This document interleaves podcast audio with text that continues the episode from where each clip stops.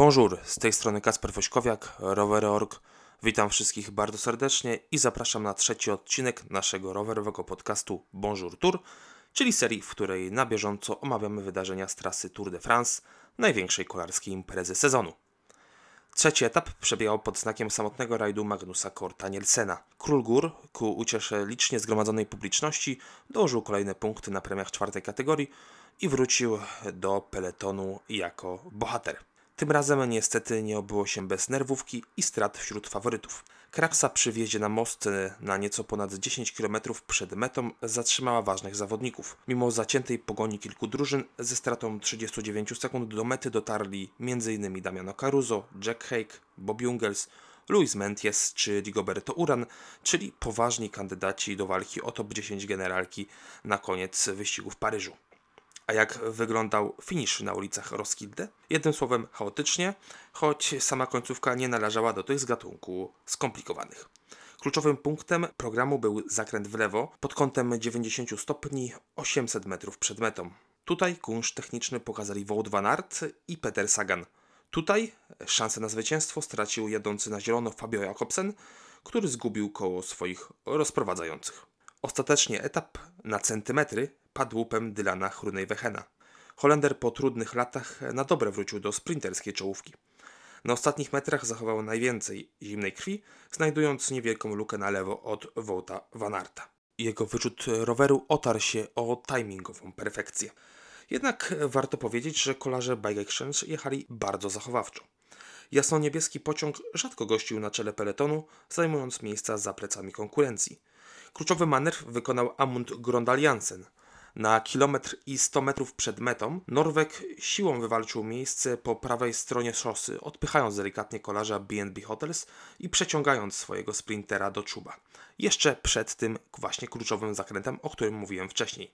Panowie Hrunejwechen i Jansen znają się jeszcze z czasów Jumbo, gdzie jeździli razem przez cztery sezony. Bardzo często w tych samych wyścigach. Dlatego kolarstwo to sport zespołowy, a nie indywidualny, jak kiedyś e, padło w jednym z odcinków popularnej familiady. Norweg Jansen e, przez problemy zdrowotne, m.in. przez koronawirusa, zaczął ten sezon dopiero w drugiej połowie marca od wyścigu Mediolan Turyn.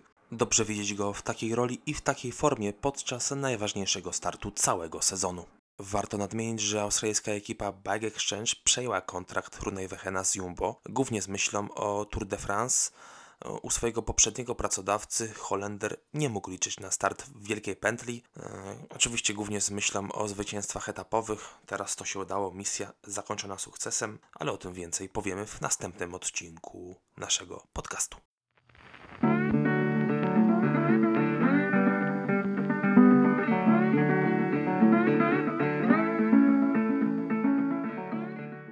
A co jeszcze słychać w sprinterskim świecie?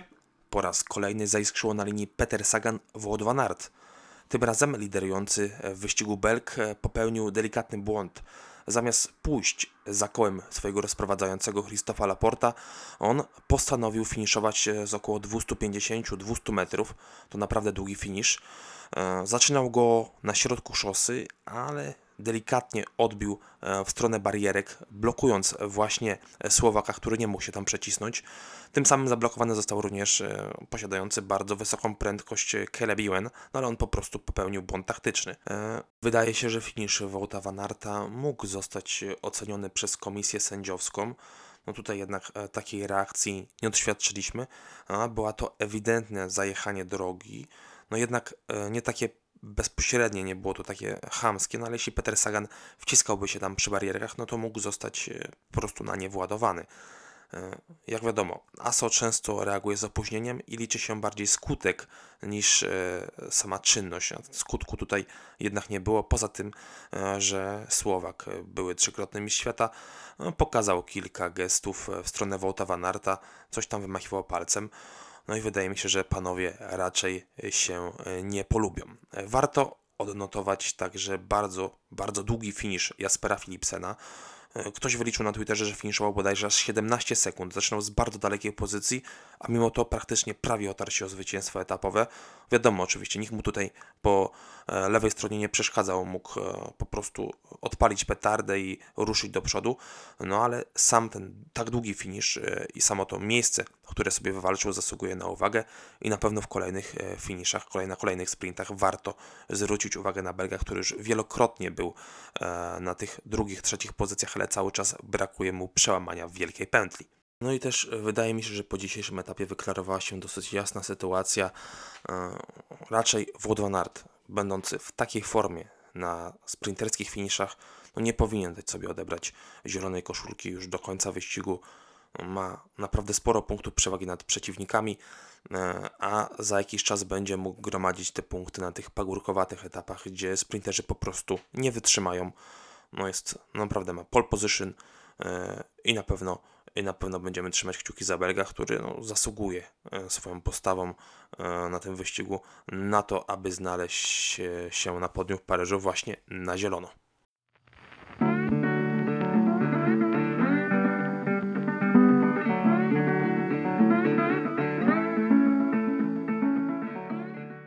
Co czeka nas we wtorek po dniu przerwy? 171 km połączy Dunkierkę i Calais to będzie etap z kilkoma premiami górskiej czwartej kategorii i bodajże z jedną premią górską trzeciej kategorii, e, więc będzie sporo tych pagórków, na których e, mocniejsi, bardziej wytrzymali sprinterzy mogą zgubić tych bardziej klasycznych, choć nie zdziwię się, jeśli etap zakończy się walką z całego peletonu. Sporym zagrożeniem może być wiatr z nadmorza, może powiać boczniak, który podzieli nam peleton na kilka części, no bo wiemy, że wszyscy nastawiają się już na środowy etap z brukami, a tutaj e, będą wąskie drogi, będzie sporo pagórków, e, będzie trzeba się mocno ustawiać, więc może być po raz kolejny nerwówka w peletonie i kilka krajów, oby oczywiście tak nie było, by wszyscy faworyci dotrwali e, do pierwszych gór w całości, no bo jeśli to się stanie, no to będziemy oglądać kapitalne widowisko w Alpach, czy potem w Pirenejach, Natomiast takie etapy to tak zwane etapy pułapki. Wszyscy, mówię, wszyscy już nastawieni w głowie na etap brukowany, a tutaj będzie trzeba uważać. Nie zdziwię się, jeśli e, któraś z ekip podyktuje mocniejsze tempo. Tutaj e, w moich predykcjach nastawiam się na to tempo drużyny Alpecin Dekenik. Mają fajnych zawodników e, do zrobienia mucki w peletonie, no i mają fajnych zawodników do wykończenia tej pracy. Czy to Matthew Van Der Poel po jakimś ataku, czy Jasper Philipsen, który jest chyba jednym z najbardziej wytrzymałych sprinterów i bardzo dobrze pokonuje pagórki, czy to większe podjazdy. Niepewny jestem formy Caleb On na wielkich turach często E, prezentuje się w roli takiego klasycznego sprintera, gdzie nie potrafi przejechać nawet najmniejszych pagórków. E, dlatego tych, tych, tego zawodnika delikatnie niżej umieściłem. E, wiadomo, że mocny w tym sezonie na hopkach jest Mats Pedersen, a taką niewiadomą przynajmniej dla mnie pozostaje Fabio Jakobsen i także Dylan Hrunewegen, czyli nasi dwaj zwycięzcy etapowi z Danii. E, oni e, ten etap mogą przetrwać w peletonie, ale równie dobrze mogą na jednym z pagórków po prostu odpaść. No to jednak jest kilometr, czy to nawet 2 km o nachyleniu 5-6%. No, da się takiego zawodnika ciężkiego, masywnego e, na takich trudnościach ujechać. Ale raczej nie spodziewam się jakichś festiwalu panczerów. Niestety cały świat obiegła fatalna informacja, która przyćmiła wydarzenia z trasy Tour de France. W kopenhaskim centrum handlowym Fields doszło do strzelaniny. Są ofiary śmiertelne i ranni. 22-letni zamachowiec, który korzystał z broni myśliwskiej, został zatrzymany przez policję. Wielka szkoda, że ten weekend skończył się dla duńskiego narodu tak tragicznie. Wszak licznie zgromadzona publiczność stworzyła atmosferę kolarskiego święta, no i to było naprawdę wyjątkowe wydarzenie. Oddajmy w tym miejscu cześć wszystkim poszkodowanym.